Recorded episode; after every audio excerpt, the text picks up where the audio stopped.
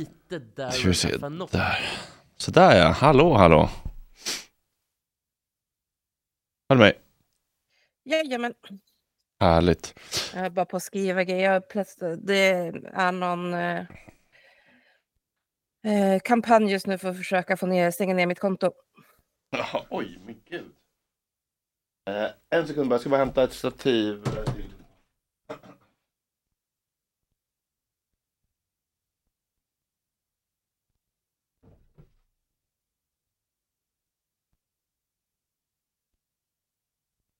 Vem, eh, vet du vem eller vilka som bedriver den, Det är detta? ingen aning just nu, men antagligen är det ju några pro-israeler som har eh, fått feeling.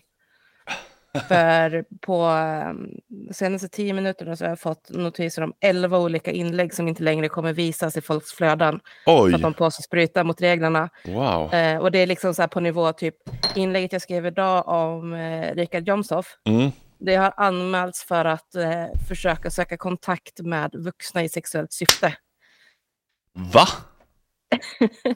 Vuxna och i sexuellt jag syfte? skrev i lördag som att jag hade varit i Göteborg och typ inte gjort någonting, alltså tagit en day off eller vad man ska säga från sociala medier och så. Mhm. Eh, och att bara påminna lite grann om att liksom komma ihåg att ta hand om mig själv också, det är Mm. okej. Ja, Ja, det, det är flaggat att det eh, uppmanar till våld.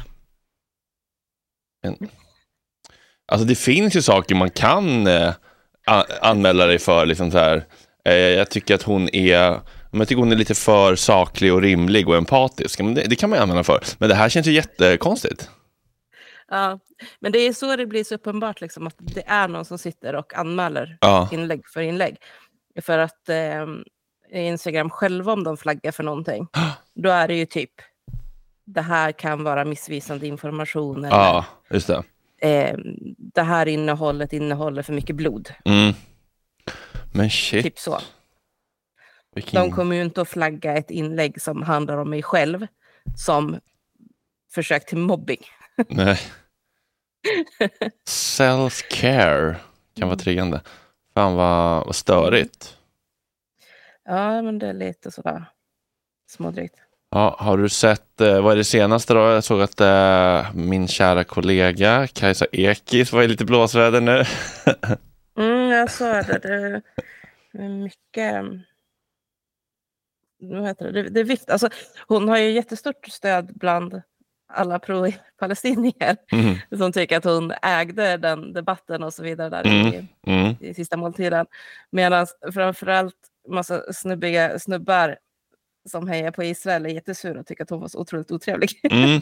Ja, hon hade lite ton, men jag tycker ändå att den var, liksom, den var helt eh, rimlig där, när den kom fram. Alltså, jag kände själv liksom hur provocerad jag blev.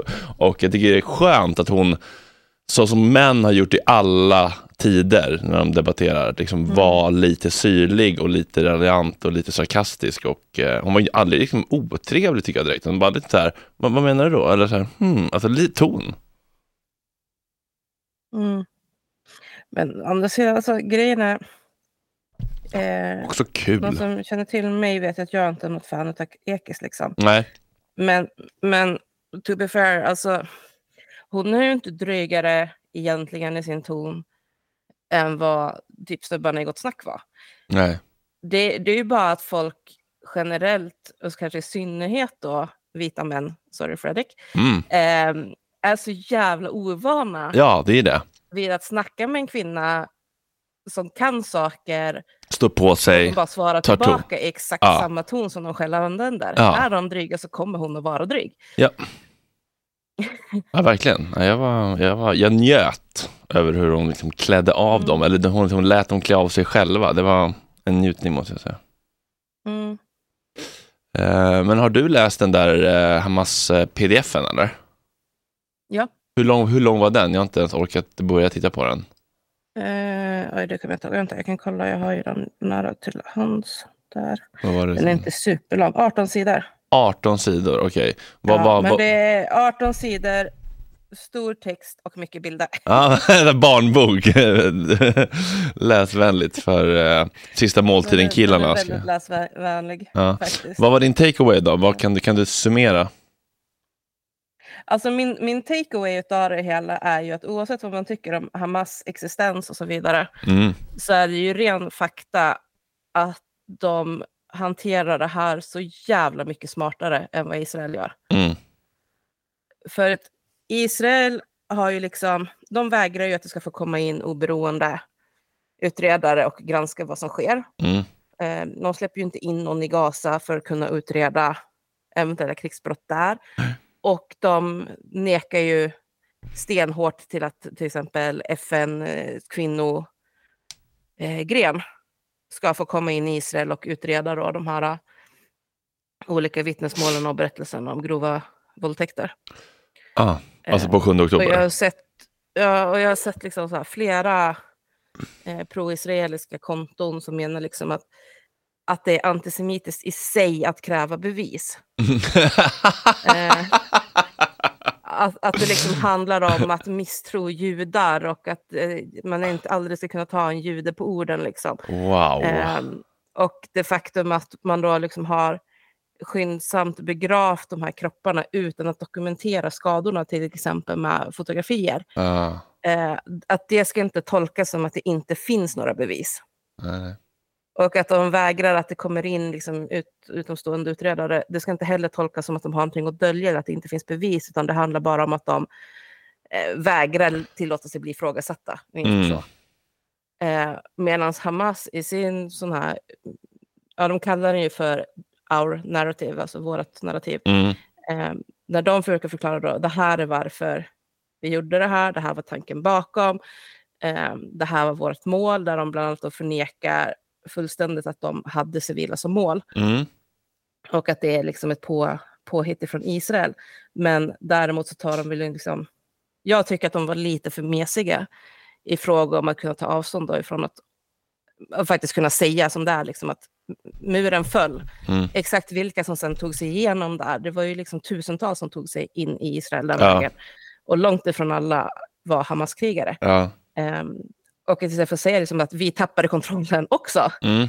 det vart kaos. Vi har ingen aning om vilka som tog sig in till Israel och vi har ingen aning om vad de faktiskt gjorde. Nej. Så blir det istället lite så här uh, halvmesigt, typ att ja, vi kanske har gjort någonting fel. Vi kanske hade kunnat gjort någonting bättre. Det vet Mhm. inte. Mhm. Ehm, lite så. Men Mm. vårt syfte var aldrig att Ah, Okej. ge oss på civila specifikt. Eller så, Nej, jag menar förstår. de. Ehm, men det som gör liksom att de är smartare i det här, det är ju att de uttryckligen säger liksom att eh, skulle FN skicka, eller någon annan oberoende part skicka eh, ett team för att göra utredning, för att se vad vi har gjort, vilka vapen vi har tillgång till och så vidare, och så vidare så kommer vi välkomna det. Mm. Mm. Vi har ingenting att dölja. Vi, vi är helt okej liksom med att ni kommer utreda vad det är som händer. Ehm, och, då, och det är ju verkligen liksom, hur man än vrider och vänder på det, står man inför två grupper som säger helt olika saker. Mm. Och den ena säger, ni ska bara tro på oss, vi tänker Mm. inte bevisa någonting, ni ska Nej. bara tro på oss. Annars är ni rasister. Säger, Ja. ja, precis, ni är rasister om ni inte bara tror på oss. Och den andra sidan säger, men vi vet att ni inte bara kommer tro på oss, så kom och undersök själva. Mm. Det är helt okej, ni är välkomna. Man kommer ju få lite mer förtroende ändå för sidan som säger, ja men kom och titta själva, varsågoda, det är helt okej, utred bäst ni vill. ja, om- om man inte är väldigt, väldigt bias från början då såklart. Precis. Mm. Men ja, det är klart. Så, Ja. Men, men det är liksom så här, alltså, som sagt, hur man än vrider och vänder på det. Jag är ju inget fan av Hamas eftersom jag ser dem som, som extremister. Ehm, och sen om de är extremister som tycker sig ha ett gott syfte, ja men det, det tycker ju alla extremister. Mm. Ehm, det är så de oftast blir extremister. Alltså, SD är också extremister Mm. som tycker sig ha ett gott syfte. Jag tycker inte om dem för det. Nej, nej. Nej, precis. Folk gör ju det de tror är det rätta, det bästa. Och sen så Mm.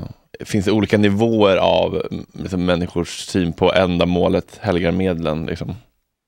Exakt. Jag tillhör ju de som inte tycker det. Och som ju därför från allra första stund liksom har ändå sagt så att nej men, ändamålen helgar inte medlen och därför finns det saker som Hamas har gjort som inte är okej. Jag tycker inte att det är okej att de tog eh, gisslan till exempel. Trots att de liksom ändå menar på att de i första hand försökte ta militärer som Mm. gisslan, inte civila. Mm.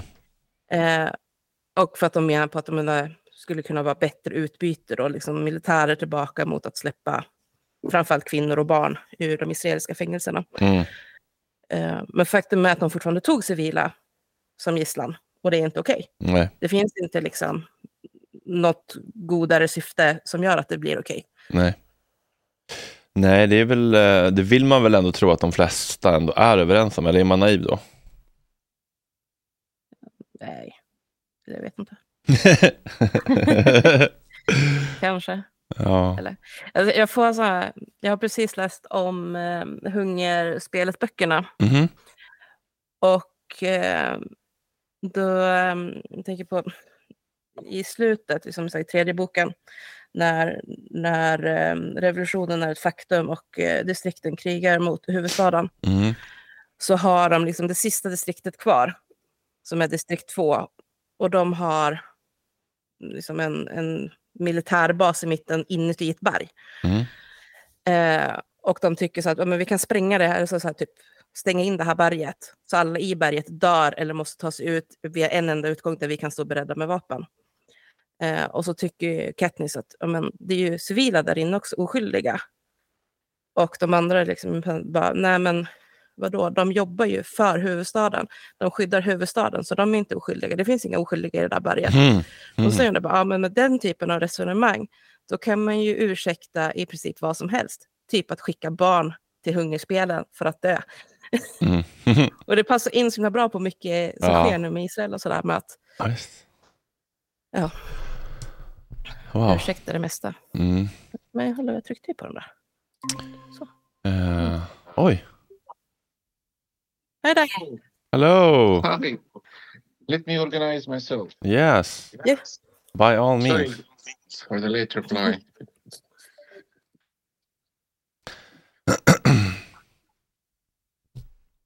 Hmm.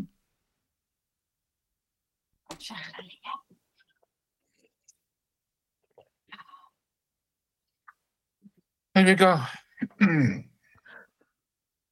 Uh, I will start uh, recording. Shall I Use use it my, little- my headphones better, yeah? Okej. Mhm. jag startar så länge ändå. Mm, så- mm, mm. Så.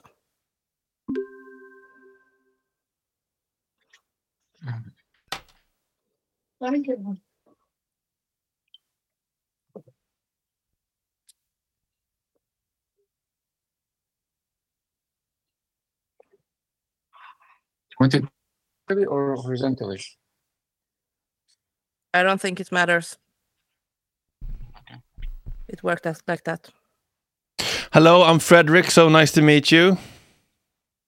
Hi, pleasure. Thank you for having me. How are you? I'm good, thank you. Paula, do you want to um, explain to our um, lovely audience why you wanted to talk to this uh, gentleman? Yeah, I invited you, Yousef, since um, I know because because of the situation, it's really really hard to get hold on any journalist actually in Gaza right now. But I have been following you, and I know you have contact with the people in Gaza that you have been working there before, even if you're in London right now. Um, and uh, I thought it would be a really good opportunity to talk about the media uh, and the media coverage of Gaza with someone that really knows what's going on. Yeah, thank you very much for having me. Um,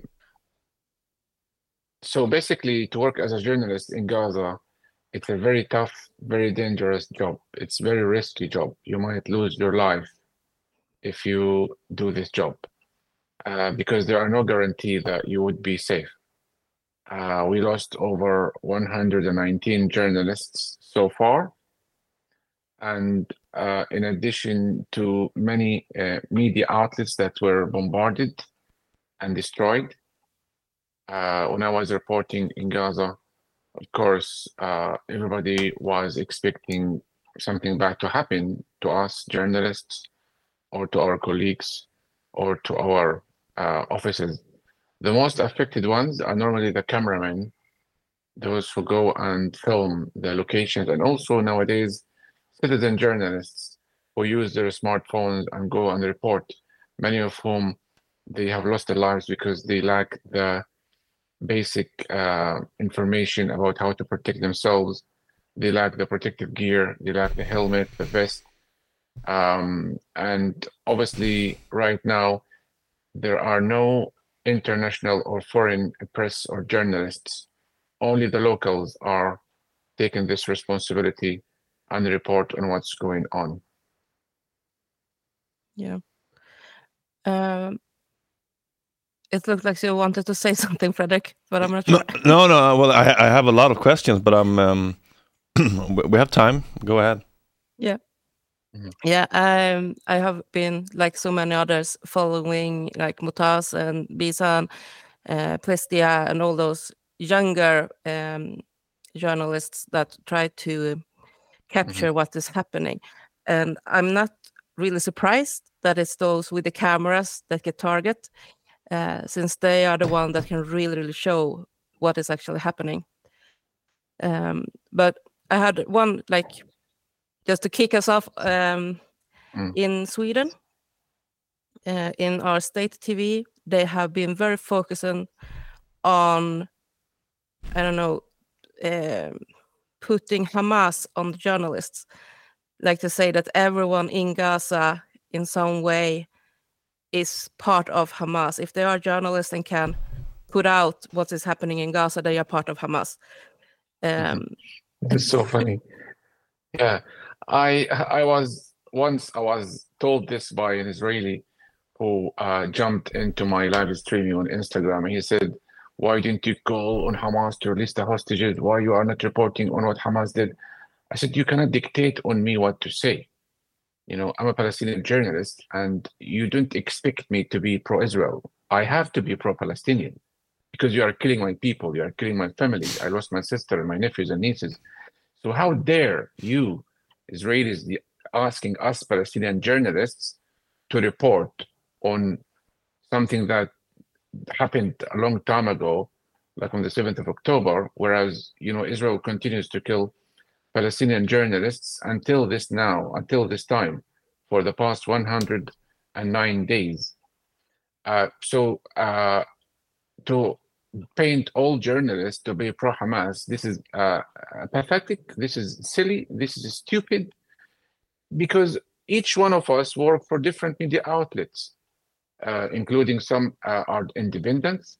You have also some uh, influencers. You have uh, content creators. Everybody is reporting on Israeli crimes.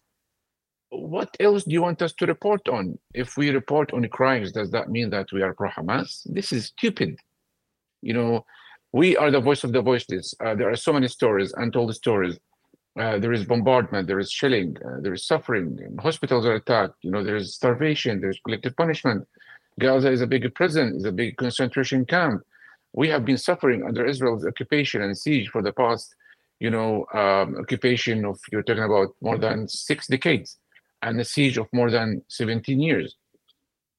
So uh, you cannot expect us to stop reporting, uh, or you cannot, you know, you cannot intimidate us from stopping reporting. You know, this uh, the whole world is, is following the story coming from Gaza, and uh, let's also not forget other names. I know Mu'taz and the others. You know, they are uh, doing great work because they rely heavily on social media, but let's not forget the uh, correspondence of uh, the well-known, renowned international media outlets such as Al Jazeera, and many other um, international news channels. Those correspondents are not given the attention, to be honest. Uh, I understand maybe people like to follow, you know, uh, interactive uh, journalists on social media. Um, I'm reporting from a distance. Um, I was reporting in Gaza when I was in Gaza in the first war, the second war, 2008, 2012, 2014. And I'm physically outside, but my mentally and my heart is in Gaza it breaks my heart when I see those little kids are torn apart, losing limbs, you know, mothers crying, men crying, people live in tents. Uh, there is, uh, it's rain, it's rainy and cold weather now. People living in tents. You know, there's a flooding and people cannot find the food on it, you know, to provide for their children. There is no medicine. Uh, there is no electricity, no drinking water, no uh, protective, uh, no proper shelter no hygiene, no toilets. People live in the like in the out space.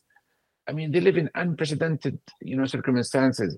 So we journalists, when we when we report on these stories, we just convey the truth. We are conveying the message. We are not exaggerating. We are not like talking about the resistance. We are not talking about, um, you know, there are there is a tragedy happening minute by minute, and we are covering those stories. I understand Israeli journalists they are not willing to share even one single video of a Palestinian child killed or a story or a, or destroying a building in Gaza. All what they care about, you know, to praise their soldiers detonating and killing civilians in Gaza. So you do your job and let us do our job. That's it. Simple as that. But um, um, do you think it would be good for the Israeli people to to have some more insight, to see more of the pain? And can you see for yourself that there would be a point for for building more understanding and compassion uh, between both sides that that you as well show uh, some of their pain? Um, the Israeli media is pro army. Uh, I'm in Gaza. Uh, you cannot expect me to praise Israel when Israel is killing me and killing my family and, and killing my people. Sometimes you cannot be impartial. Sometimes you have to be biased. And I understand they are biased. They are supporting the army in Gaza.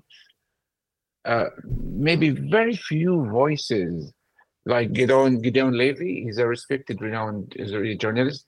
He's doing great work. He's a minority, of course. Um, there are some, you know, as I said, Palestinian journalists. Uh, they are independent. Uh, they should be independent. They should seek credibility. And it doesn't mean because we live in Gaza, we praise uh, the suffering of civilians on the Israeli side. I'm, I'm against hurting or killing civilians in both sides.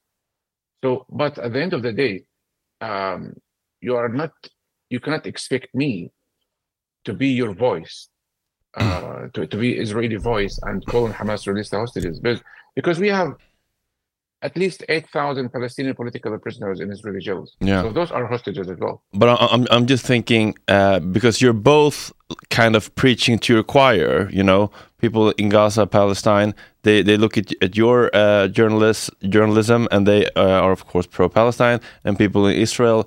Uh, just uh, watch probably mostly pro-Israel media outlets. I, I'm thinking like if you if you both showed a little bit bit of the other uh, parts pain, maybe there could be better ground for uh, understanding and uh, peace in the long run. You know.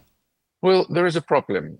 Uh, I think everybody knows, the whole world knows, with due respect, that Israel is using propaganda, fake news. So until now, uh, they are still talking about beheading babies, beheaded babies, and raping women, raping women, and burning houses. We haven't seen evidences of that you know, so you cannot expect me as a Palestinian to talk about these fake news stories, whereas it's proved to be a failure. Even some Israeli journalists and officials, they said that Israel used a Hannibal directive, killing its own citizens and hostages in order to avoid doing uh, using them as bargaining uh, chips by Palestinian resistance groups or to prevent any possible prisoner swap deal. So when you see these fake stories, how would you expect us, Palestinian journalists, report on what happened on the 7th of October? Um, I advocate for dialogue. I advocate for peace. Uh, I advocate for an end to the bloodshed. Uh, I, I, don't believe in violence. Um, but at the end of the day, uh, if Israel justifies everything it does in Gaza in order to satisfy its appetite for revenge, this leaves us nowhere but to expose their crimes. You know, they are committing the crimes in Gaza. They are doing a genocide in Gaza. They are abducting civilians, torturing them. And you've seen some of those footages and, and reports. They are attacking civilians, civilian properties, houses, and killing children intentionally, indiscriminately. You've seen the bombs, you know, the dumb American bombs that they drop on civilian areas. Yeah so there are so many stories uh, that we need to tell. Um, I, I, don't know. I mean, they can allow some of their journalists to come to Gaza, and we don't mind if they allow us to go to their to the to, to their uh, to the land under their control. But it's not it's not happening. So in order for me to report on what's happened on what happened in their territory on the 7th of October, I have to be there. And in order for them to report on what's on in Gaza, they have to be here. So there is uh, this geographical separation, and this is an obstacle, I think. Yeah, for sure. Definitely.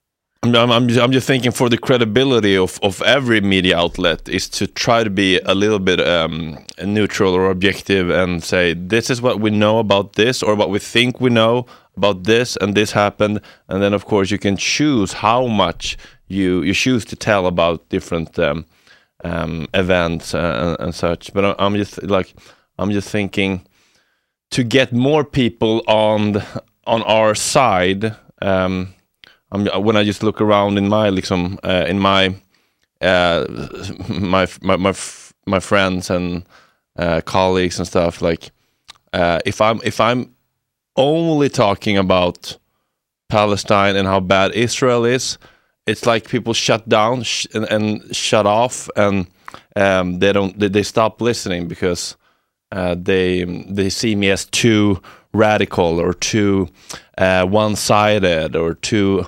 unnuanced you know? No for me i'm open. I, I like to uh, uh, to engage in, in constructive dialogue. That's why i appear on the media. in british media foreign media uh, and i talk about the different point of views uh, as a political analyst i analyze the stories i say this is happening because Israel has, you know, has been occupying Palestine, occupying Palestinian territories, and besieging Gaza for some time. So there are some reactions, um, and we have to uh, to tackle the root causes of the problem. I understand that Israeli society also suffering from extremism, the settlers who are armed. I understand that also some Israelis are not happy from the performance of Prime Minister Benjamin Netanyahu.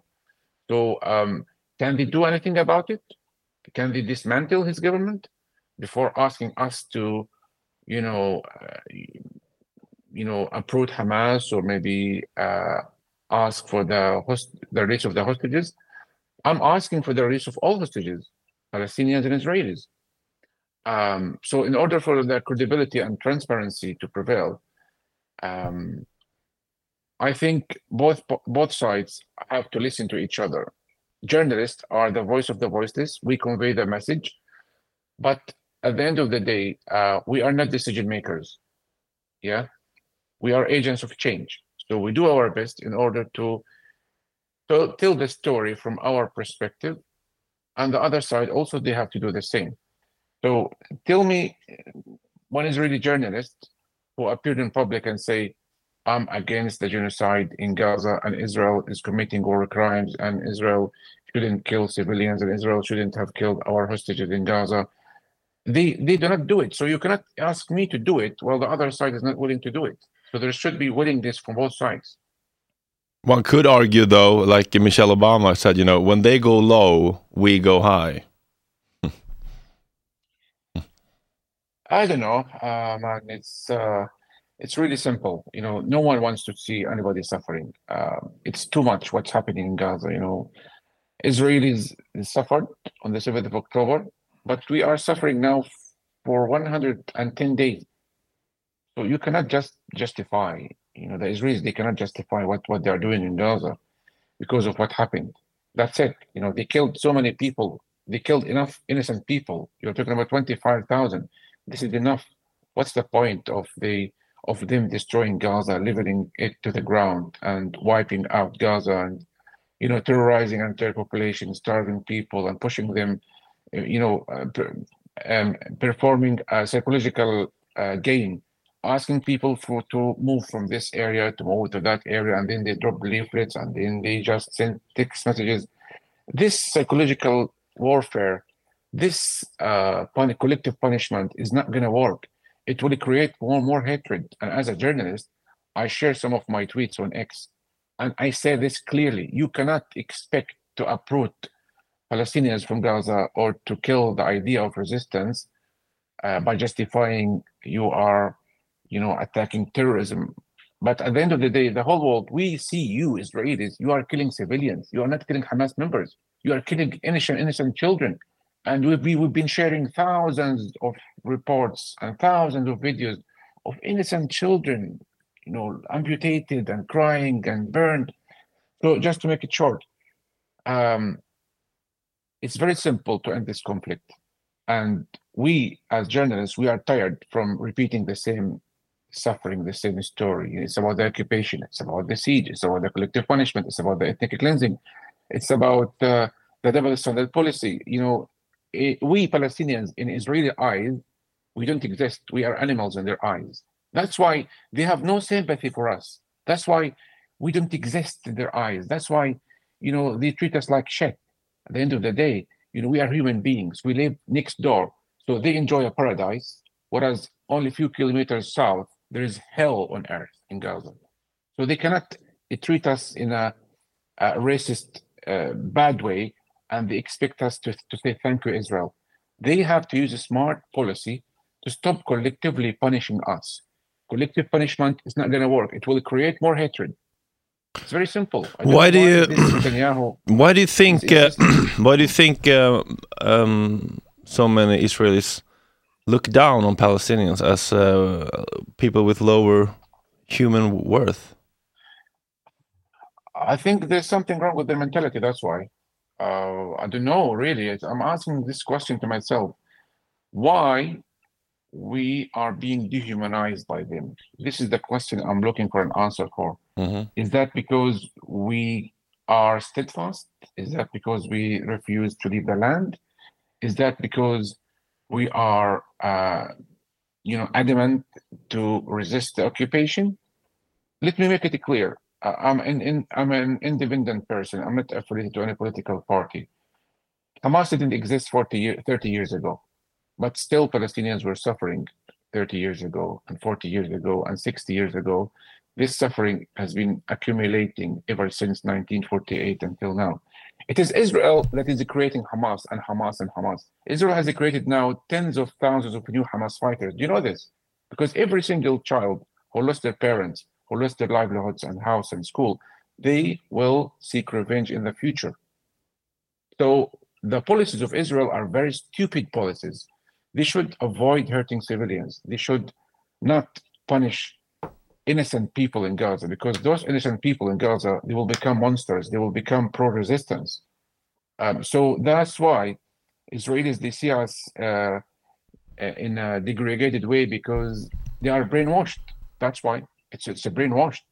When you are study at schools that Arabs, you know, they don't deserve to live, and Arabs are cockroaches, they are Arab slaves the the Israeli curriculum is poisonous.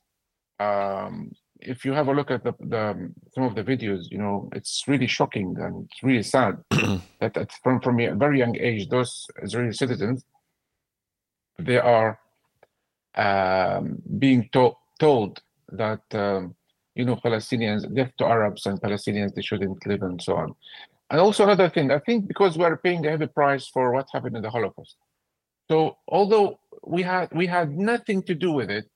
That was our fault. it's it's Europe's fault, but hmm. we we are paying the heavy price for this. I don't know why. There is really Jewish people. You know, we respect the Jewish people. Uh, but our problem is with the Zionists, with the occupation policies. Mm-hmm. They should be they should be more merciful to other nations because they suffered this Holocaust. Mm-hmm. So why they are subjecting us to genocides and ethnic cleansing and suffering? They should treat us in a in, in a better way is it because Palestinians are asking for freedom and liber- liberation? We are being crushed. Our morale is being crushed. Our steadfast is being crushed. It's simple. Any any people under occupation throughout history, Vietnam, name me any country that gained independence without sacrifices and without resistance. It's simple. Palestinians are not, not an exception. Yeah, I think it's. I, I think it's a. Uh, it's a when when people say like. Um, they uh, the Jews uh, have experienced genocide. How can they do it to other people? I think that's just you know unhealed trauma.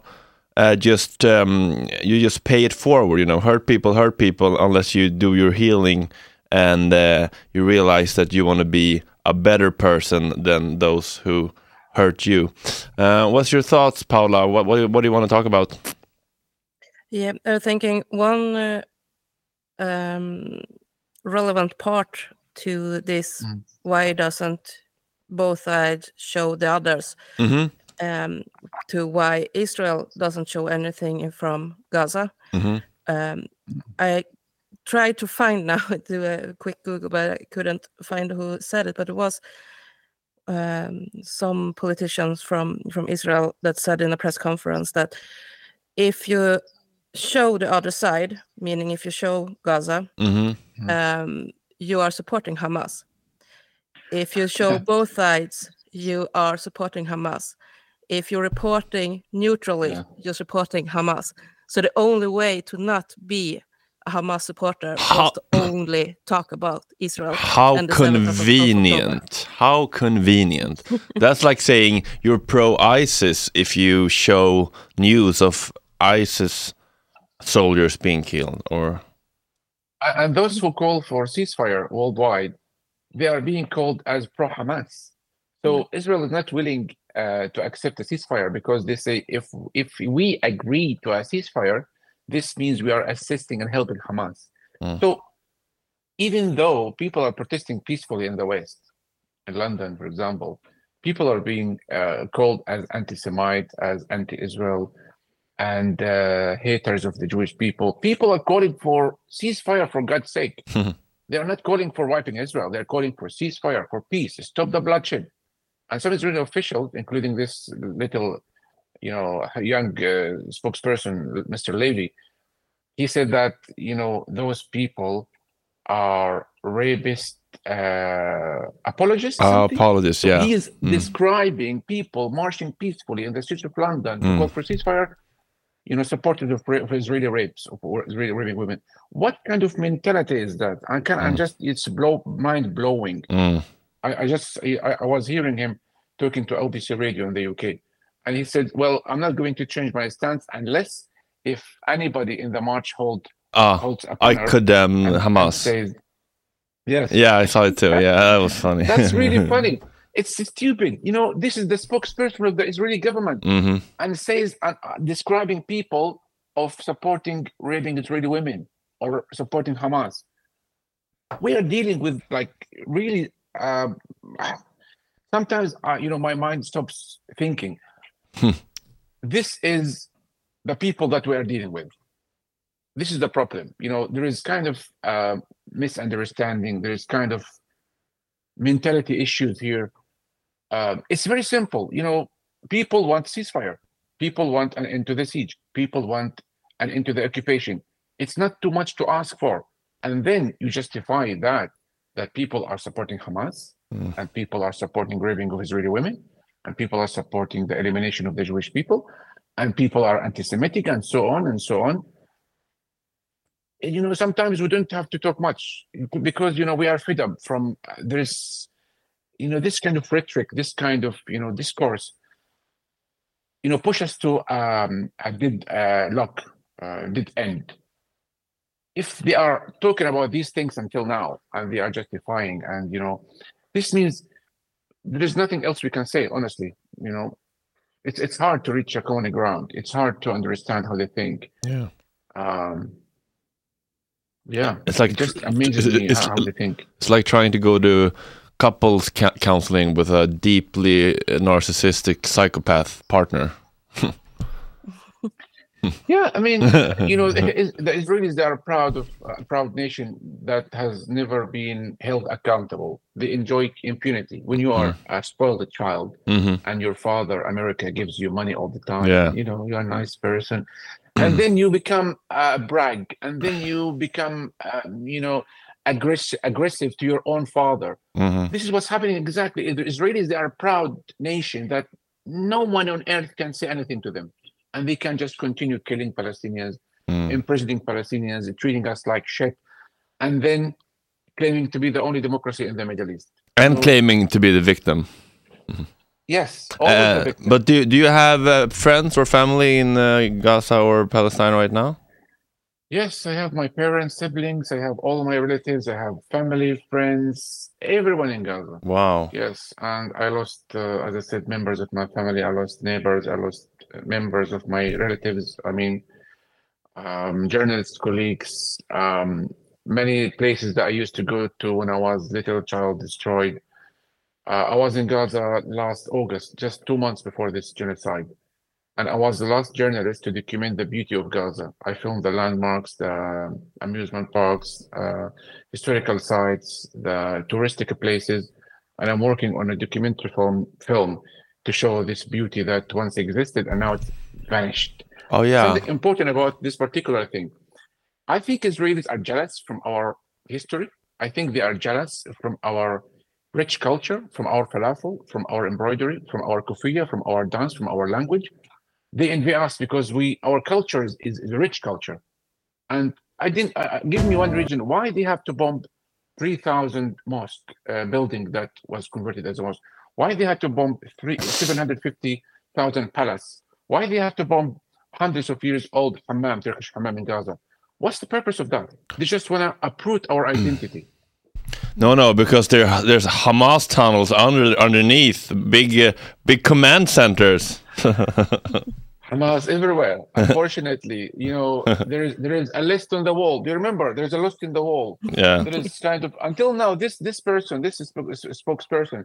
He just said to um to that LBC interview. He said, um, you know, that Hamas guys they put some RPGs and some Kalashnikovs near the MRI in Shifa Hospital. Is are you really convinced of what of what they are saying. You know, I don't believe them as as a person. Forget about me, Palestinian. The whole world now knows them that, you know, they are good in lying, and it's a fact. You know, you cannot convince me that you know there is something happening there, and you know, some Palestinians are hiding some rockets in children's bed, and all the time they have to mention under girl's bed, under a child's mat, and I mean, it's not convincing. It's a lie. Or and, putting you know, out the, the uh, and they brought the, the, this puzzle and they brought you know there, there, are so many things that i share. It just yeah. it strikes me hard. Like do you really expect us to believe you? And Come even on, if and even if it was true i still don't think it's okay to bomb the hell of a hospital yes uh, also another um, excellent presenter LBC presenter, you know, I'm, I'm a fan of this TV radio, radio channel. He said, imagine Hamas guys are hiding in a hospital in Israel and they are taking hostages inside the, the Israeli hospital. Are you going to bomb them? He said, no. So why it's allowed to bomb a hospital in Gaza mm. and it's not allowed to open a hospital in Israel? Because Israeli blood is, is more valuable, is more like, mm. you know. So there's no innocent. No innocent in Gaza. Yeah, they said that. There is no one innocent. Everyone is involved. You know, kill them before they become uh, fighters. They are children of darkness uh, they elected Hamas. So what about those people who were born after Hamas was elected uh, 16 years ago? Are you also punishing those children who were born after Hamas was elected? So everything like Hamas, Hamas, Hamas, we are freedom from from this excuse. We are freedom from blaming anything on Hamas. You know, come on. You know, even now, I just shared a video of um, a man who was anti-Hamas. You know, there are so many people in Gaza they they hate Hamas. Yeah, this is a fact. And uh, now, after Israel bombs their houses and kill their families, they say, we are supporting Hamas now hmm. because mm. After you killing, after you killed us, do you do you think we're gonna support you, Israel, Israel in the genocide? Obviously, they're gonna support the resistance because Israel did not leave them with, with, with any choice, and Israel is creating more hatred. Israel is creating, you know, uh, recruiting more Hamas fighters to join the resistance now. Yeah, that's why I said the Israeli policies are stupid policies because they're collectively punishing everybody. Mm. Yeah, I've said that sometimes that the best commercial Hamas can have right now is Israel. Yes, from, from the thing to say that uh, you have all those kids now without any parents, and for also young um, people that have their siblings killed and so on. Um, I can not understand why why they brag, why they continue bragging, detonating uh, entire residential areas or universities or yeah. mosques. Why they are destroying universities. This, they destroyed six of Gaza's main universities. They destroyed 1,000 mosques and three churches. They destroyed entire. You're talking about at least, you know, half a million people now homeless. Their their homes are destroyed. You're talking about 70% of Gaza is destroyed. So what's the purpose of destroying people's homes, universities, mosques, markets, electricity uh, companies, wealth?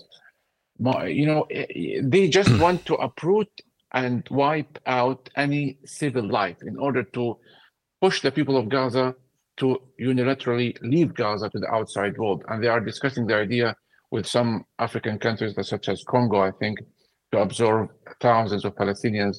And they are pushing people towards Rafah in the south of uh, near the Egyptian side in order for any chance for people uh, to leave, then they will leave. So this ethnic cleansing is obvious.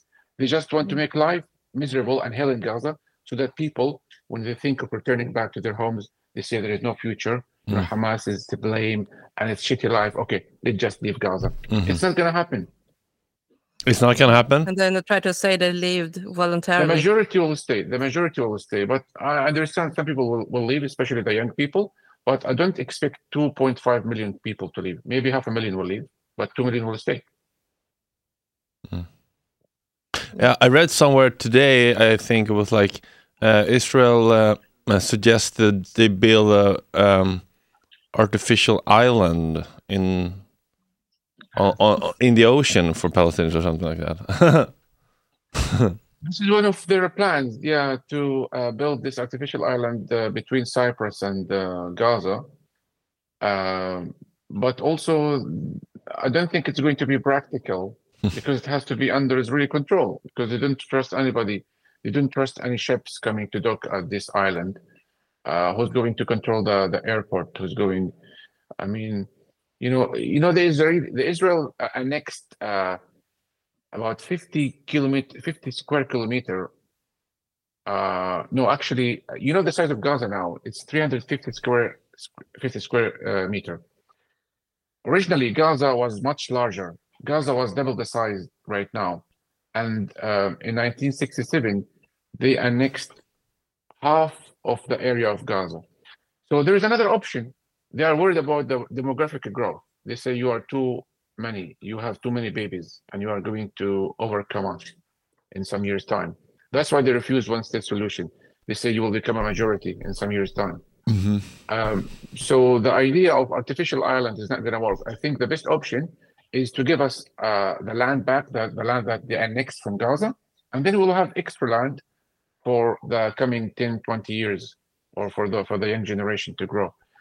Um, it's very simple. I think the only solution, in my point of view, is one state solution.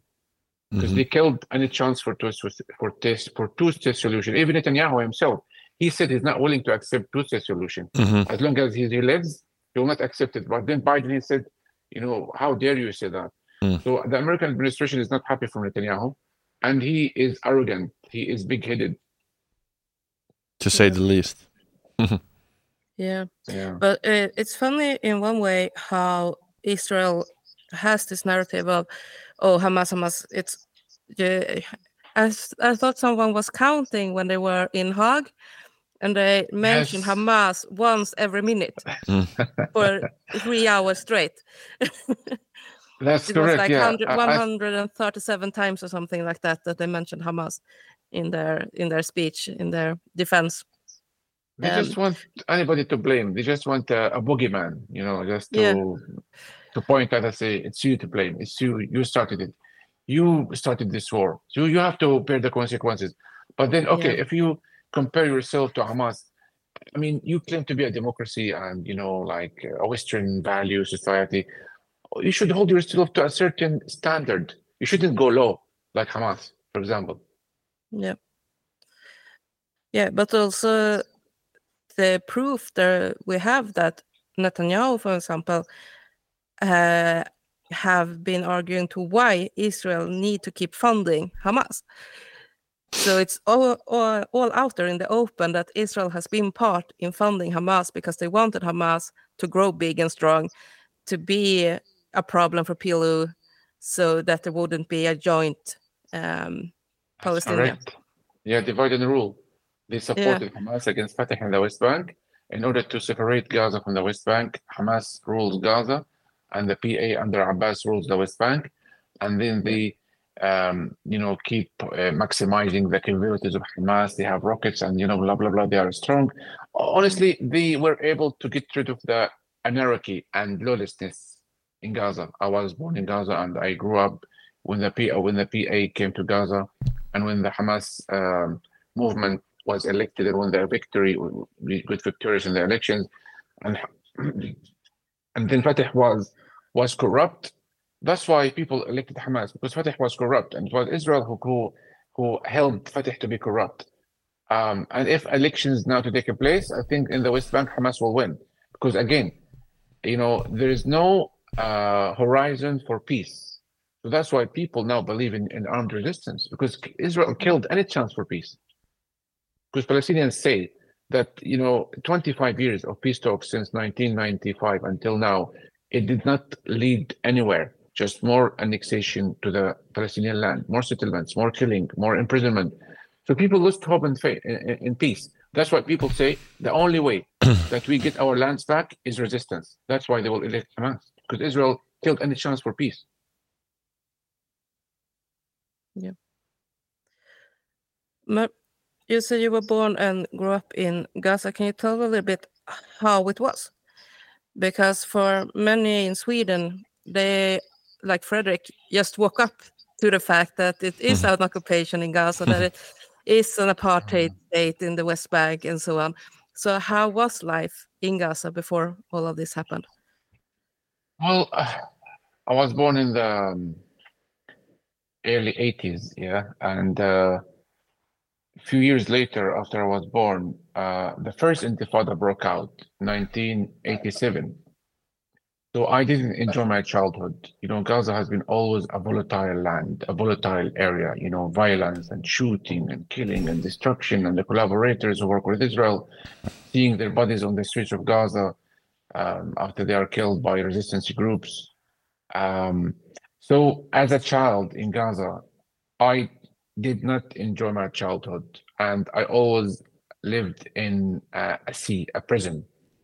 Um, so by the time you know we become uh, teenagers, everybody was has hopes to travel the world, to uh, have a better life.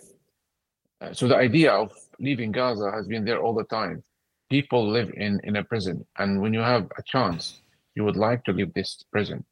So I remember when I was a child uh, in the primary school, Israeli jeeps were passing in front of our school, and children were, were throwing rocks and even sandwiches during the break. Uh, so the, these footage is stuck in my mind, and I, I saw many young people, many people got shot and killed in front of my eyes. I saw houses being destroyed, um, punishing them for taking part in um, pro-resistance activities. Uh, I was in Gaza in the year 2005 when Israeli occupation forces they had to withdraw their forces in Gaza. I'm talking about about the uh, redeployment, about the disengagement from Gaza. So I, I was present. I was a witness to that disengagement in the year 2005, and it was the first time for us to enter the former Israeli settlements that uh, uh, constituted about 45% uh, of the total area of Gaza. So for us, even those settlements inside Gaza, it was like paradise for us because Gaza has been like, you know, a place of hardship and suffering and misery and um, lack of power cuts, salty water. And then when we entered those settlements, remember in 2005, the Israelis, they had to leave peacefully under, um, you know, Oslo Accords. So uh, I didn't enjoy my childhood, and um, but I can tell you something. You know, we Palestinians we seek uh, a better life in terms of education. So you, you would find the, the, vast majority of Palestinians in Gaza they uh, attended university, uh, master degrees, uh, PhD. I've got two. I've got two masters, one in journalism and one in international relations. Uh, then I decided to pursue my higher education 2013, I traveled outside to the UK. I was awarded a scholarship to do journalism. Mm-hmm. And that's why I had to leave. Uh, so between 2005 and 2013, I was reporting for a number of media outlets in English. So I was one of the few journalists, Palestinian journalists, was reporting in English. Are you allowed for to a leave? media outlets. Are you allowed to leave Gaza just like that? So when the Israelis they left Gaza in the year 2005, it was Palestinians and Egyptians who were controlling the border. So you, we can leave Gaza via Egypt's Rafah border if you have a visa, if you have um, a Mm. visit invitation visit from any of your relatives in, in Egypt. So we have a representative office for a number of uh, European um, embassies, such as the British, such as the um, you know Italian, Swedish, uh, you know, yeah. So the the UNDP, the UN headquarters, uh, was a representative office for a number of uh, foreign embassies. So when I was uh, awarded that scholarship, I had my visa stamped, and we had to send it via Egypt, uh, sorry, from Gaza to Jerusalem, from Jerusalem to Amman and Jordan. But now the visas are being issued in Dubai. So when I got my my passport, you know, it's simple as that. You know, we book our flights and we travel from Cairo. So Cairo airport is the only airport that we can use. We don't have an airport in, in Gaza, and we cannot use Israeli airports. So, but I was lucky. I flew from Gaza International Airport in the year 2000. Mm. So I was lucky at the time. So did you bring some family members or partner or anything? No, no. Um, at the time, I was by myself here. Yeah. And now you're and, and now you're in London permanently or Yeah, kind of. But you know, Gaza always will be my my homeland, my home country. Mm-hmm. Yeah. how much con- Yeah, I think it's I think it's hard in some ways for for Swedes to um and I mean with that Swedes um that's born in Sweden to Swedish parents um not immigrants but to really understand the, full force it is with with this kind of oppression because Sweden have has peace for over 100 years there's no one Mm. in Sweden that actually will have the family trauma and the memories of how it is to Yeah. be in a war or be under occupation. So, I mean, there's still Yeah. uh, pro-Israeli Swedes that can be like, yeah, but since no one in Gaza has started a revolution and overturned Hamas, they are all guilty. So it's know, okay to do what they're happen. doing and so on. I don't know. I don't know if, if we are live. Sorry. Is this recorded show or live? Huh? Is this live or recorded? No, no, recorded. Recorded. We can we can edit. Okay. right. Okay. So um, as long as there is no revolution to overturn Hamas, it's not going to happen. You know why? I answered this question before. Because Israel is punishing everybody in Gaza. And if you punish me and kill my family and, and destroy my house, I'm not going to revolt against Hamas. Simple as that. Yeah. So you cannot expect me to go and march in the streets and call for, you know, fuck you, Hamas, and blah, blah. And then you are killing me. So you are you're killing me and want me to be anti-Hamas. It's not gonna happen. If you protect me as a journalist, as a, as a civilian, maybe then people will have the courage and go, stop, you know, we cannot rule us anymore. But for 17 years, you Israel collectively punishing us in Gaza, and you expect mm. this siege will force people to revolt against Hamas. It didn't happen, and it's not gonna work. Collective punishments will not work. They have to understand this. So if I if I was Netanyahu, God forbid, I wouldn't impose the siege. I would just avoid hurting every single Gaza in Gaza, single person in Gaza, because the more civilians you kill in Gaza, the more you are turning people against you, Israel, and you are turning people to be Hamas sympathizers in Gaza. Yeah. It's it's a very simple formula. Yeah. It's not like rocket science. No, sometimes you you you really wonder like you have a lot of smart people around you. You have to know that why violence create violence. You you got to do this because you have other in sentiment, in sentiments, other um, other uh, objectives than peace. Yeah. Hmm. What's the question? no, I'm, I'm not sure what the question is. Uh, it's just so. It's just so. I, I, you know, I traveled to so many countries around the world. I, I've been to Sweden, uh, Copenhagen, Finland, America, Asia, Africa. I've been to so many countries around the world, and I am not allowed to go to visit my ancestors' grandfather's land or my my my my, my grandfather, you know, origin country, Israel or historic Palestine. Why is that? So if you continue punishing us Gazans for life because we are from Gaza and you are suspicious of any per- person in Gaza, I know there is lack of a trust. I know Israelis they wouldn't trust Palestinians, uh, but I can tell you something. You know, with the killing in Gaza happening, I didn't hear any single Palestinian who cares Israelis or cares Jews, because we say this is God's choice. You know, God's meant this this to happen, but this will create hatred, yes, but we don't use foul, foul or, or bad language against Israelis or against Jews. Because at the end of the day, this is written that this is going to happen. Okay, this war is going to happen, people are going to die. But then, you know, we uh, don't forget, uh, and also we don't forget, like um, the Israeli Prime Minister Netanyahu yesterday, he said that he will make sure to control the land between the Jordan River and the sea. So he is echoing the same phrase that he's against, because some Israelis and Jews they say you are calling for eradicating us when you Mm. say free, free Palestine from the river to the sea. Mhm.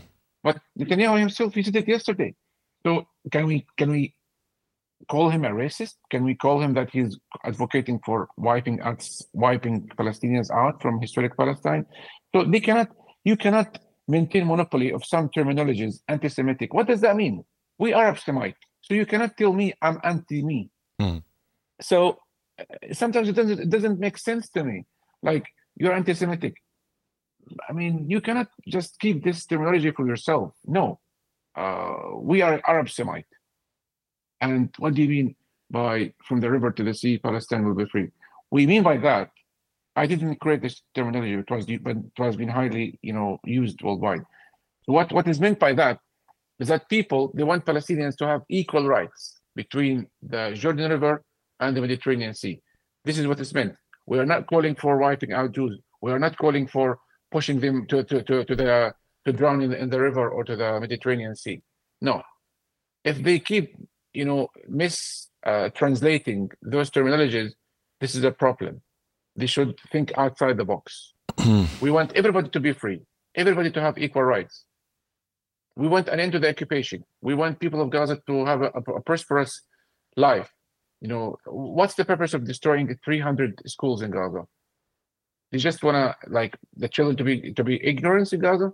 Why? Why they occupy classrooms and they leave graffiti in Hebrew and they just you know it's very distressing videos and bragging and celebrating and shouting you know celebrating destroying schools and universities.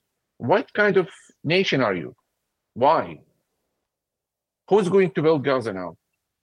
Are you does this make you happy? Does this make you safe? It will not make you safe because you have 2.5 million people that you turn them against you. One day they will retaliate. So there is no there is no point to keep destroying Gaza. There is no point to keep killing civilians. It's useless. It's helpless. It's hopeless. It has to end. There must be some wise, smart leaders in Israel to take part and just throw this idiot Netanyahu because he's destroying the whole Middle East. He's destroying Israel. He's destroying Palestine. He's he's big-headed. He's he's arrogant. He's selfish. He just wa- he, he just cares about his future. He just wants to prolong this war so that he avoids going to, to prison or jail. It's it, we know we, we you know we read you know we are not ignorant Palestinians. We are smart too. So we know that our Palestinian blood is the fuel for their election campaigns. Any official in Israel who wants to reach power, he has to show to the extreme movements that he's willing to kill Palestinians. So our blood is the fuel for their politics. And this is outrageous. Mm. Uh, I was wondering also how do you uh, how to uh, how to word it? Um, what is your view on on how western media covers what is happening? Because i know for example in, in swedish media um, when they have mentioned that it is uh, pro-palestinian rallies in israel Mm. they don't tell the people in Sweden that that's what it's about. They just say it like today is 100 days since the 7th of October, and today there was rallies to bring home the hostages.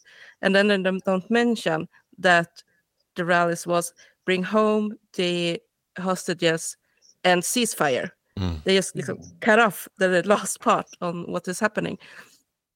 Um, and I think that we're not alone in Sweden Yeah. with having a media that wants to paint a certain picture of everything. Yeah, I think um, I'm sure. I, am not. I'm not. I don't think. I'm sure the Western media is pro-Israel, the vast majority of them, because they don't want to appear that they are defending Hamas. Obviously, this is the main concern. And even uh, as you mentioned, those uh, pro-justice demonstration in Israel calling for the release of the hostages or calling for Israel to strike a deal with Hamas to release the hostages, they are not covered. And uh, those who march in Tel Aviv to call for an end to the genocide, they are being arrested and punished and spit on and uh, you know painted as you know pro-Hamas supporters. And those people are minority in Israel who call for uh, peace at this time to strike peace with the Palestinians and to stop the genocide. Uh, I saw a video of some Israeli students. They uh, attacked their teacher because he was calling for increasing the aid convoys coming to Gaza. And uh, this is really alarming. And even one of the freed hostages, he was taking part in a peaceful demonstration in Tel Aviv to call for striking a deal to free the hostages. And he was arrested. We, we, we saw the video. Um, so uh, as long as we have this far right government in Israel, we are not going to have uh, peace uh, in the Middle East. So the Western media, I think they are obliged to report on some uh, of the stories coming from Gaza because they cannot ignore the social media. Social media is doing great work, uh, disseminating the truth, and um, um, but yeah, uh, I think they they they had to report on what's going in Gaza and in Israel with regards to uh, anti-Israeli policies because social media is is there and they don't want to miss the story. So in other words, keep sharing social media, Yeah. pressure the, the old media Yeah, Mm. to uh, yeah traditional media is, is, is going to disappear. Yeah, social media is the future. Yeah.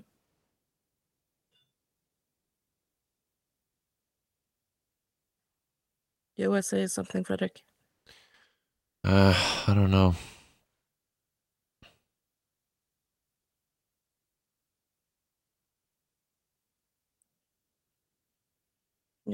Well, a last question from me on a more personal lo- note. Mhm. How hard is it, or can you tell a little bit about how you cope Mm. with reporting on what is happening? Because for for me, for example, it's one Mm. thing to try to share what's happening and and keep talking about what's happening, um, because I'm invested in one way Mm. Because I, I can see it's a genocide and I want it to stop. But it's not my family dying. So how is it to try to keep it professional, report in a professional way, and still it's your relatives, your families, your friends Mm. Yeah. that are actually in it.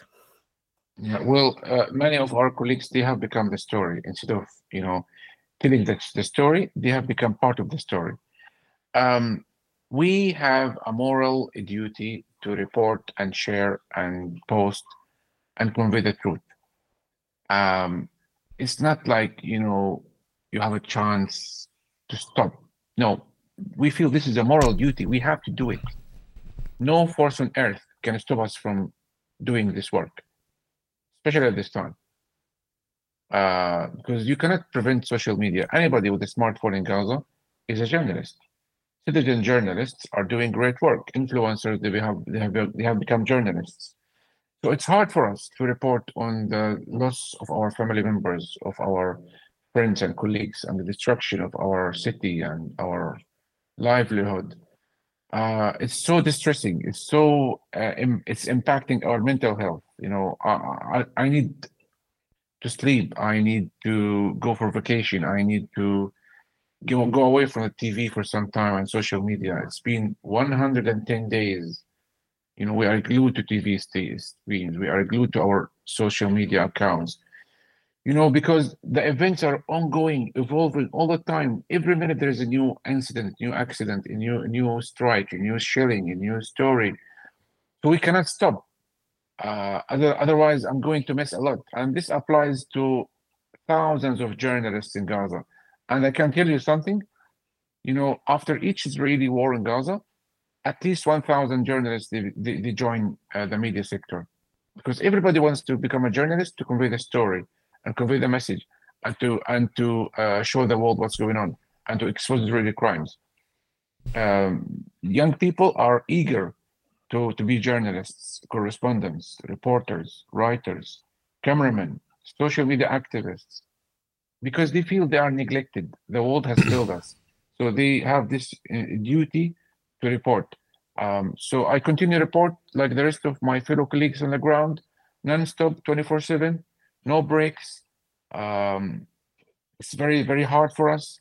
We lost a lot of our sociable life. We canceled a lot of activities for our families. But, you know, it's uh emergency situation. And we are not going to stop until, uh, unless this genocide ends. I have a question. Uh, just uh, um, I um, I came to think of when I I talked about some horrific video I have I had seen and I and how how traumatizing it was to watch the video and I said it to my colleagues in my morning radio show and the response from one of the the guys was like yeah well that could be fake. That could be um, actors. That could be propaganda. And I was like yeah. Have you have you what, what's your thought on that? Yeah normally the Israeli officials do say that uh, those uh, uh, baby uh, children are toys wrapped up with white shrouds as if it's made up. Oh, the, you know, in order to justify the genocide, they have to dehumanize us. In order to justify the genocide, they have to demonize us and, uh, you know, make us appear like devil and demons.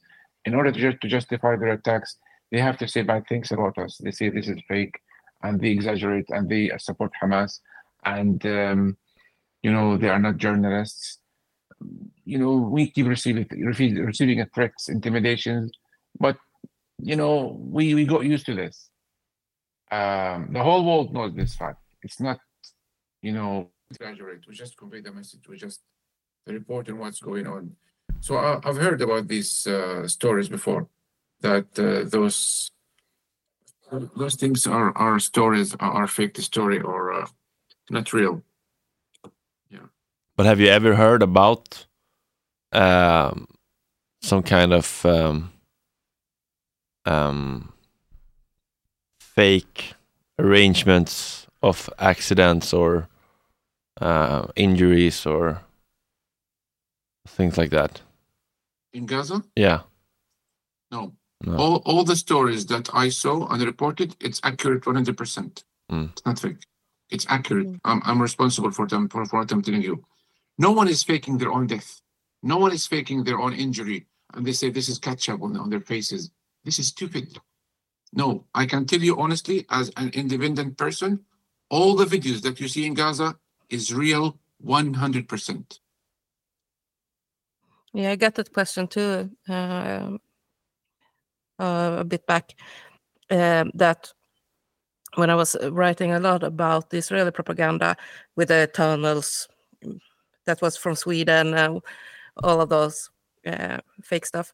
And uh, there was someone asking me, well, we know there is a lot of propaganda from Israel, but why isn't there propaganda from Palestine?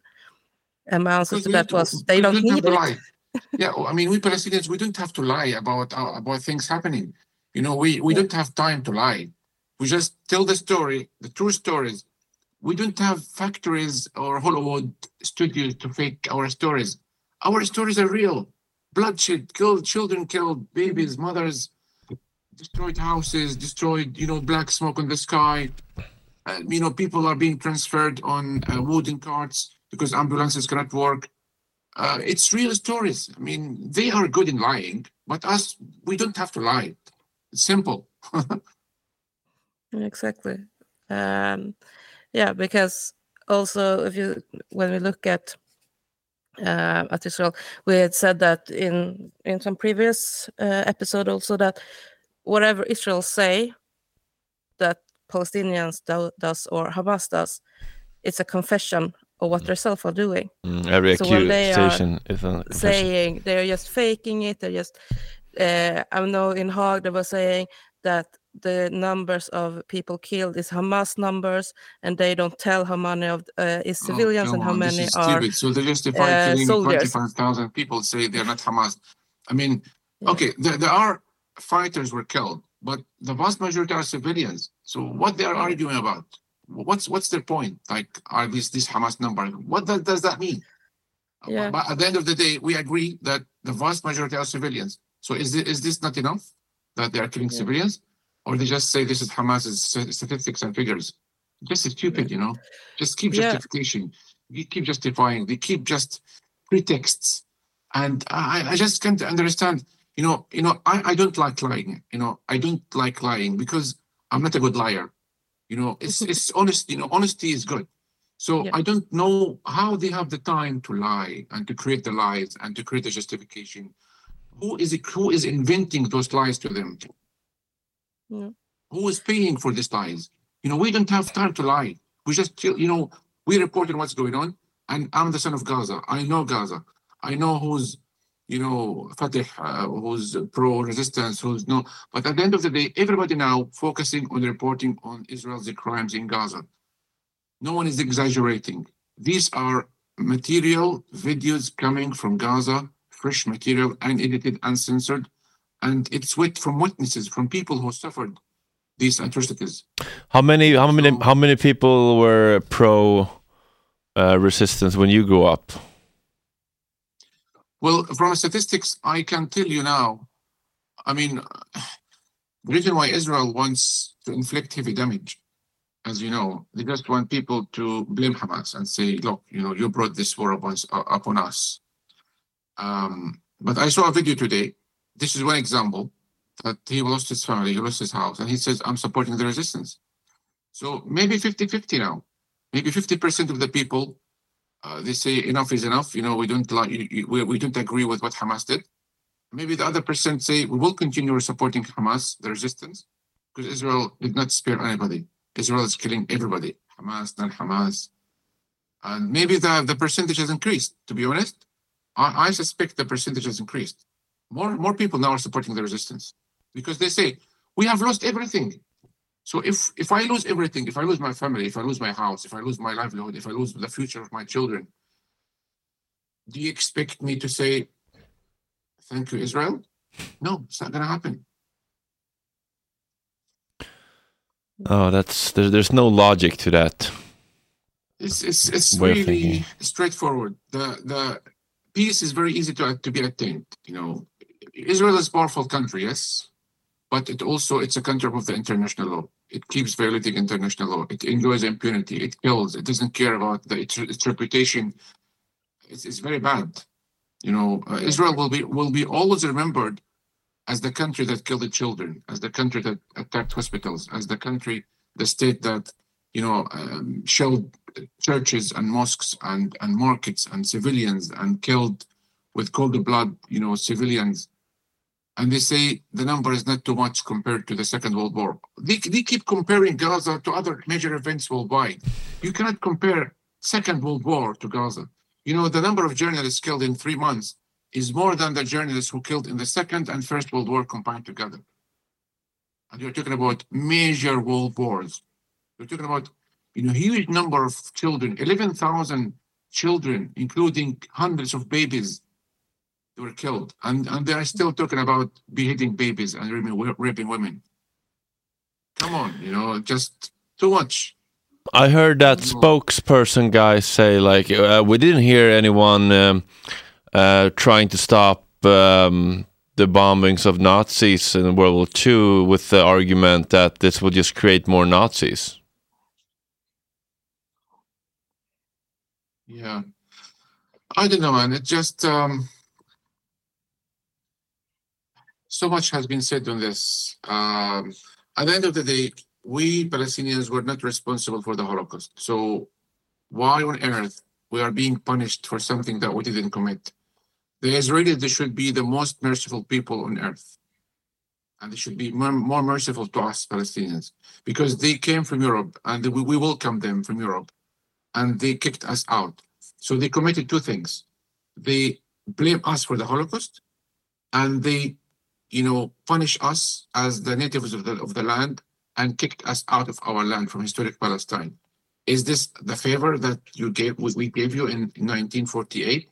Like they could be more, more merciful to us and more thankful, more grateful that we welcome them from Europe. It's not happening. They are still, you know, collectively punishing us. Life is too short. Do you agree? Yeah. So why continue the fight? Why why I guess not relinquish control of Palestinian territories and say, okay, you know, we have had enough. Let's live together in peace. Mm. two-state solution or one-state solution, let's just do it. Be brave. Let's just do it. You know, our children are suffering. Palestine is the only country on earth still colonized and occupied. And the Middle East will not be stable and safe and peaceful without the freedom and liberation of the Palestinians. And they know it, but they're big headed. Mm. Yeah. All occupations come to an end sooner or later. We Palestinians, we have suffered a lot, and we really would like to see peace prevail. Uh, our children are suffering. You know, we lost so many people, and they themselves as well. You know, they know that they will never feel safe, even though they destroyed Gaza. But they know that one day, one day, the children of Gaza will seek revenge. So they are not doing good jobs. They, they, they are worsening the situation. Mm. Yeah. Yeah. Do you have any last words, something you want our listeners to take away from this? I would like to thank uh, the people of Sweden for the lovely song that the whole world now is singing and dancing. When I hear that song, it makes me happy. Uh, Sweden was one of the first countries in the early 60s, 70s, I think, maybe to support Palestinians and they welcomed the Palestinian leadership. Uh, history is, is, is great. That's why um, I like to uh, give my gratitude to the Swedish people. And also, I would like to say that, you know, we Palestinians, we are normal human beings. We are, we have a flesh, you know, we are normal people, we have aspirations, we have dreams.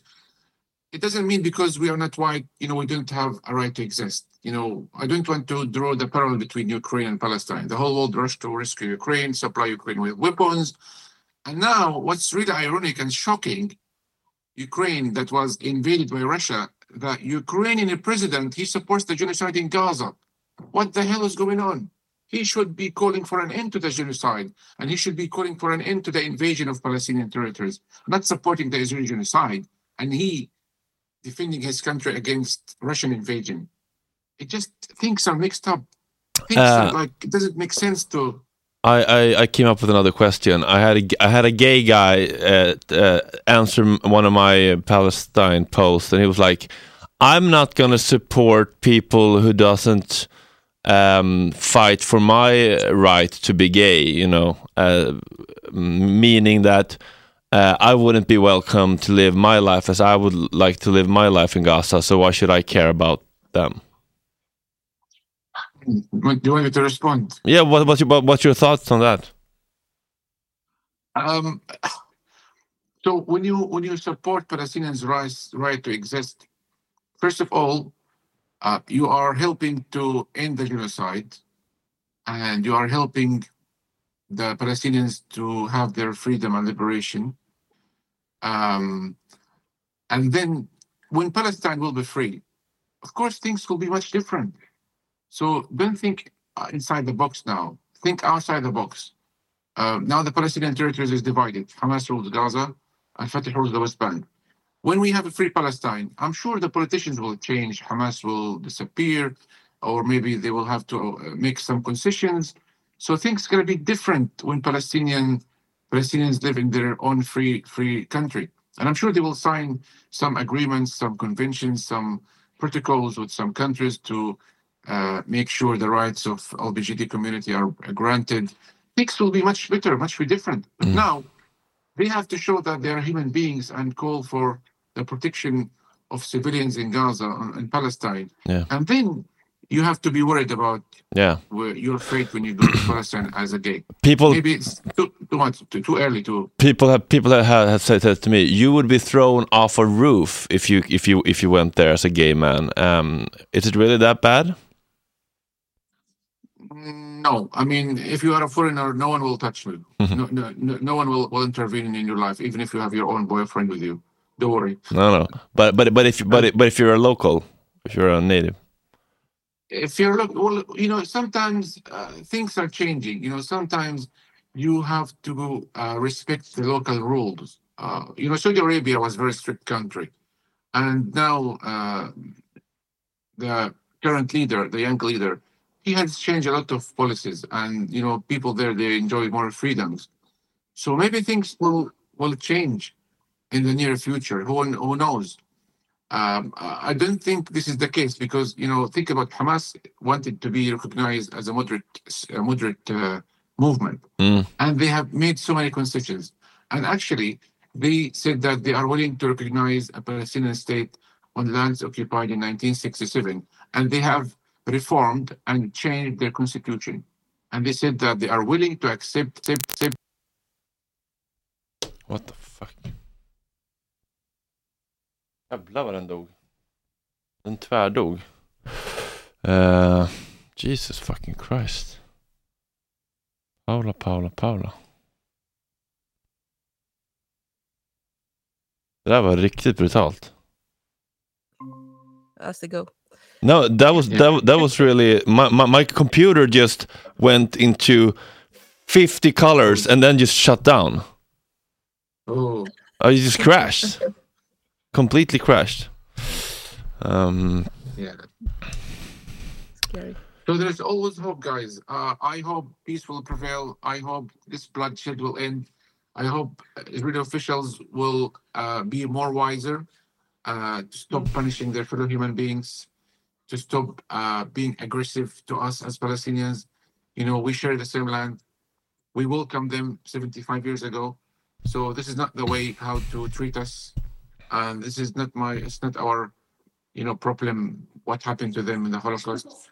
Um, life is too short. We just want to live the rest of our lives in peace and dignity and freedom. Um, and I have to say that the whole world now would like to see Palestinians live in freedom, except Israelis, except, except Israel. Why is that?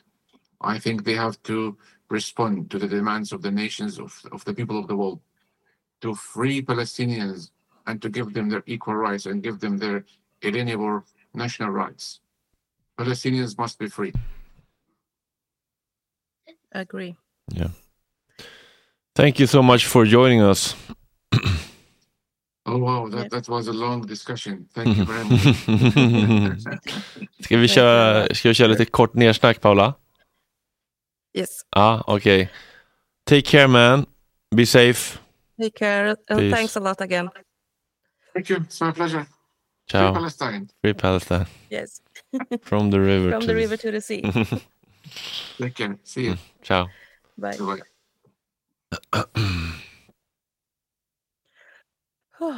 Mm. Ja, vad, vad tyckte du?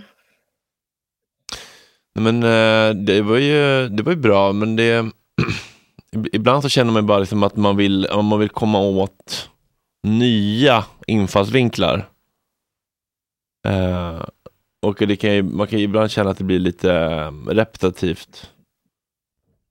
Eh, men eh, men all, alla har ju sin sin liksom eh, historia och sin eh, men, men, men jag kan ju känna att ibland att det blir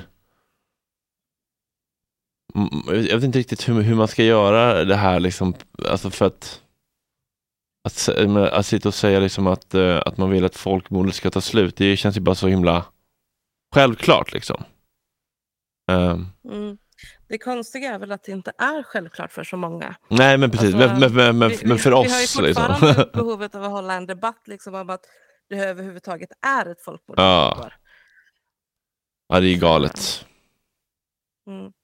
Jag, menar, jag såg så sent som idag så var det en, en kvinna som blev intervjuad eh, för, jag tror det var Russia Today eller något sånt, rysk mm. tv-kanal mm. eh, på engelska. Mm. Och eh, som, som bland annat fick frågan liksom så att ja, hon, hon kallade den 7 oktober för en massaker. Eh, men håller hon då med om att dödandet av ja, 24 000 palestinier också är en massaker? Och det tyckte ju hon var totalt förkastligt. Det var jättekränkande att liksom säga att mm. det som sker i Gaza skulle vara en massaker. För att eh, hon menade på att den moraliska utgångspunkten mm. var olika. Mm. Så därför var det en massaker den sjunde, men inte en massaker Nej. med 20 000 dödade Nej. versus 1 000 dödade. Eller ja, 1200. Um, och så, så jag tänker att den, den typen av debatter pågår ju fortfarande. Mm. Så då känns det som, som viktigt. Sen tänker jag också så här att om vi tittar på det um, nu, nu får ursäkta att jag kommer hacka för dig som, som vit snubbe. Mm, nej, men, men uh, utifrån liksom så här, om, om vi tar exemplet utanför vita snubbe-perspektivet så kan jag säga så här, hur många berättelser finns det inte om den vita mannen mm. som är typ samma mm. igen och igen och igen och Mm. igen.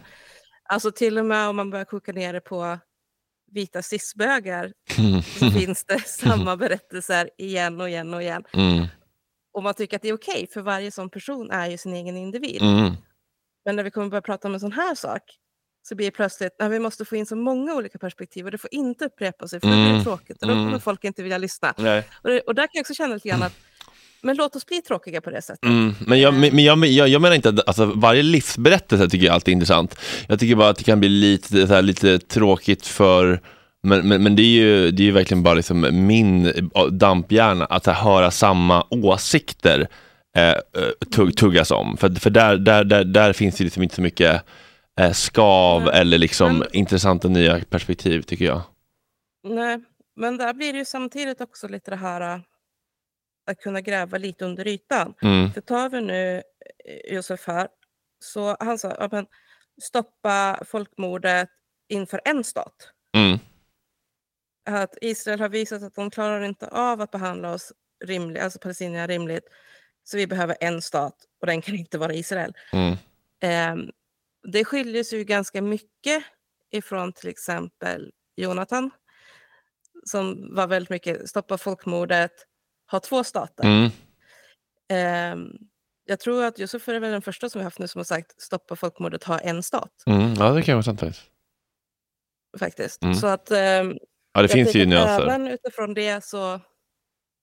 Men det gäller ju då att kunna se lite djupare och det är det jag tänker att jag ska, vi ska försöka tvinga lyssnare till också. Mm, Att komma utanför det här att ja men nu säger de samma sak igen, stoppa folkmordet. mm, Vad, jo men vad säger man utöver det? Vad säger Mm. man mer mm, i det här? Det Josef bidrar med som ändå blir liksom unikt för honom är ju hela grejen med att, att det är så många personer ändå i Gaza som vill bli reportrar. mm, Eh, Medan i Sverige är det ju snarare liksom en nedåtgående utbildningstrend för att ja, man kan lika gärna bli opinionsbildare i sociala medier som att faktiskt utbilda sig till reporter. Och mediehusen lägger ändå ner för att det är bara sociala medier och nätet ändå som, som säljer. Mm. Och då är det ganska intressant eh, skillnad där. Att där har man istället de som verkligen vill bli reportrar och skribenter på riktigt för att Mm. kunna berätta historierna. Vad är det som händer? Mm. Ja, det var intressant. Jag tycker också det var uppfriskande att han var så ärlig om Hamas. Mm. Det tycker jag också. För det, Eh. det, det måste man kunna se. Liksom, eh, san, Mm. den, den, den, den logiska, rimliga sanningen. Om man har lite förmåga att sätta sig in i en annan människas liksom, perspektiv. Och så här. Du kan inte ta ditt liksom, vita västerländska liksom, terror, eh, liksom, eh, Ulf Kristerssons terrorlins och liksom så här, Mm. tänka att, att de ska tänka så där när de är uppvuxna där. Alltså, så här, det är så jävla, det är så, Mm. det är så dålig mentaliseringsförmåga. Dålig empati. Mm. Precis. Nej, men så det tycker jag också. Och, och just det här att trots allt så är det liksom ändå i hans upplevelse, ja men typ 50-50. Mm. Om man eh, fort, alltså, trots allt som har hänt Mm. så är det så här 50-50 om man tycker att nej, men nu får vi ta till vapen också och göra motstånd eller om man tycker att nej, vi måste fortfarande försöka på något annat sätt. Mm. Ja Jag visst, är tänkte det, ändå... att man, ja, men jag tänkte på det för att Israel, du, du nämnde ju det lite grann, att Israel köper och bara, men vad skulle vi ha gjort? Mm. Ehm, att det är ju liksom det här återkommande de har kört, ja, vad skulle vi ha gjort då? Eller hade det här skett i något annat land så alla hade gjort så här Mm. för att försvara sig. Och man kan ju lika gärna vända på det mot, mot Palestina efter alla de här åren. Mm. Vad ska de göra då? Exakt. Då är Efter det 75 den år. förmågan som västvärlden inte vill ta, ta till sig just Nej, nu. Man kan göra det med Israel för att man ser men, den här skulden på grund av förintelsen. För att de har målat upp någon bild av att det är främst europeiska judar där. Trots att ja, de europeiska judarna är en minoritet Mm. i Israel. Mm. Ehm, men det är ändå liksom det, den generella bilden som har blivit i Sverige bland annat. Liksom att ja, men de är vita och de är västerländska. Och det här att de trycker på den enda västerländska demokratin Mm. eh, i Mellanöstern och så vidare. Att empatisk mentaliseringsförmåga och så, det blir med de man ser som någon form av västerlänningar, det vill Mm. säga israelerna. Mm. Och då kan man tänka, ja men vad skulle de ha gjort då? Mm. Men man klarar inte av det mot palestinierna som blir de där andra muslimerna, de konstiga. Ja, Som man visst. tycker att det är klart att de skulle kunna gjort på något annat sätt. Det finns ingenting som kan ursäkta den 7 oktober. De har också gått fram till liksom, eh, staketet fredligt och då blir de skjutna i knäna, varenda jävel. Liksom. Exakt. Ja, det här var, det var han, han var fin, han var, han var pratglad, det var härligt. Eh, på torsdag var det, vem var det då? Eller onsdag? I, imorgon ska vi spela in med imorgon. Brahim. Imorgon Och sen på torsdag så är det med Europeiska palestinska ungdomsunionen. Just det, och vi ska säga det att Greg Stoker har haft mycket personal issues, men han är på gång. Han är på gång. Vi har inte släppt den bollen. nej, nej, jag lägger på honom som fan och han eh, svarar till slut och var jätteledsen, men han har, han har mycket tumult med sitt privatliv, jag vet inte exakt vad det handlar om, men det kanske vi får veta. Ja, du märker. Ja. Men eh, vi har, och sen har vi ju nya sådana här toppnamn som, gud vad heter hon, Catherine Ja, det var någon, eh, var, var hon terapeuten eller? Hogan. Ja. Precis. ja, det är skitmycket i pipen. Det är mycket i pipen. Mm, det är skitkul. Se vad vi kan få med mer för roligt Mm. folk. Så, ja, Mm, vi säger så för idag då. vi nöjer oss så för kvällen. Mm. Tack så mycket. Tack och Ha, har du filmat det här? Ja. Ja, okej. Skicka. Kram. Hej.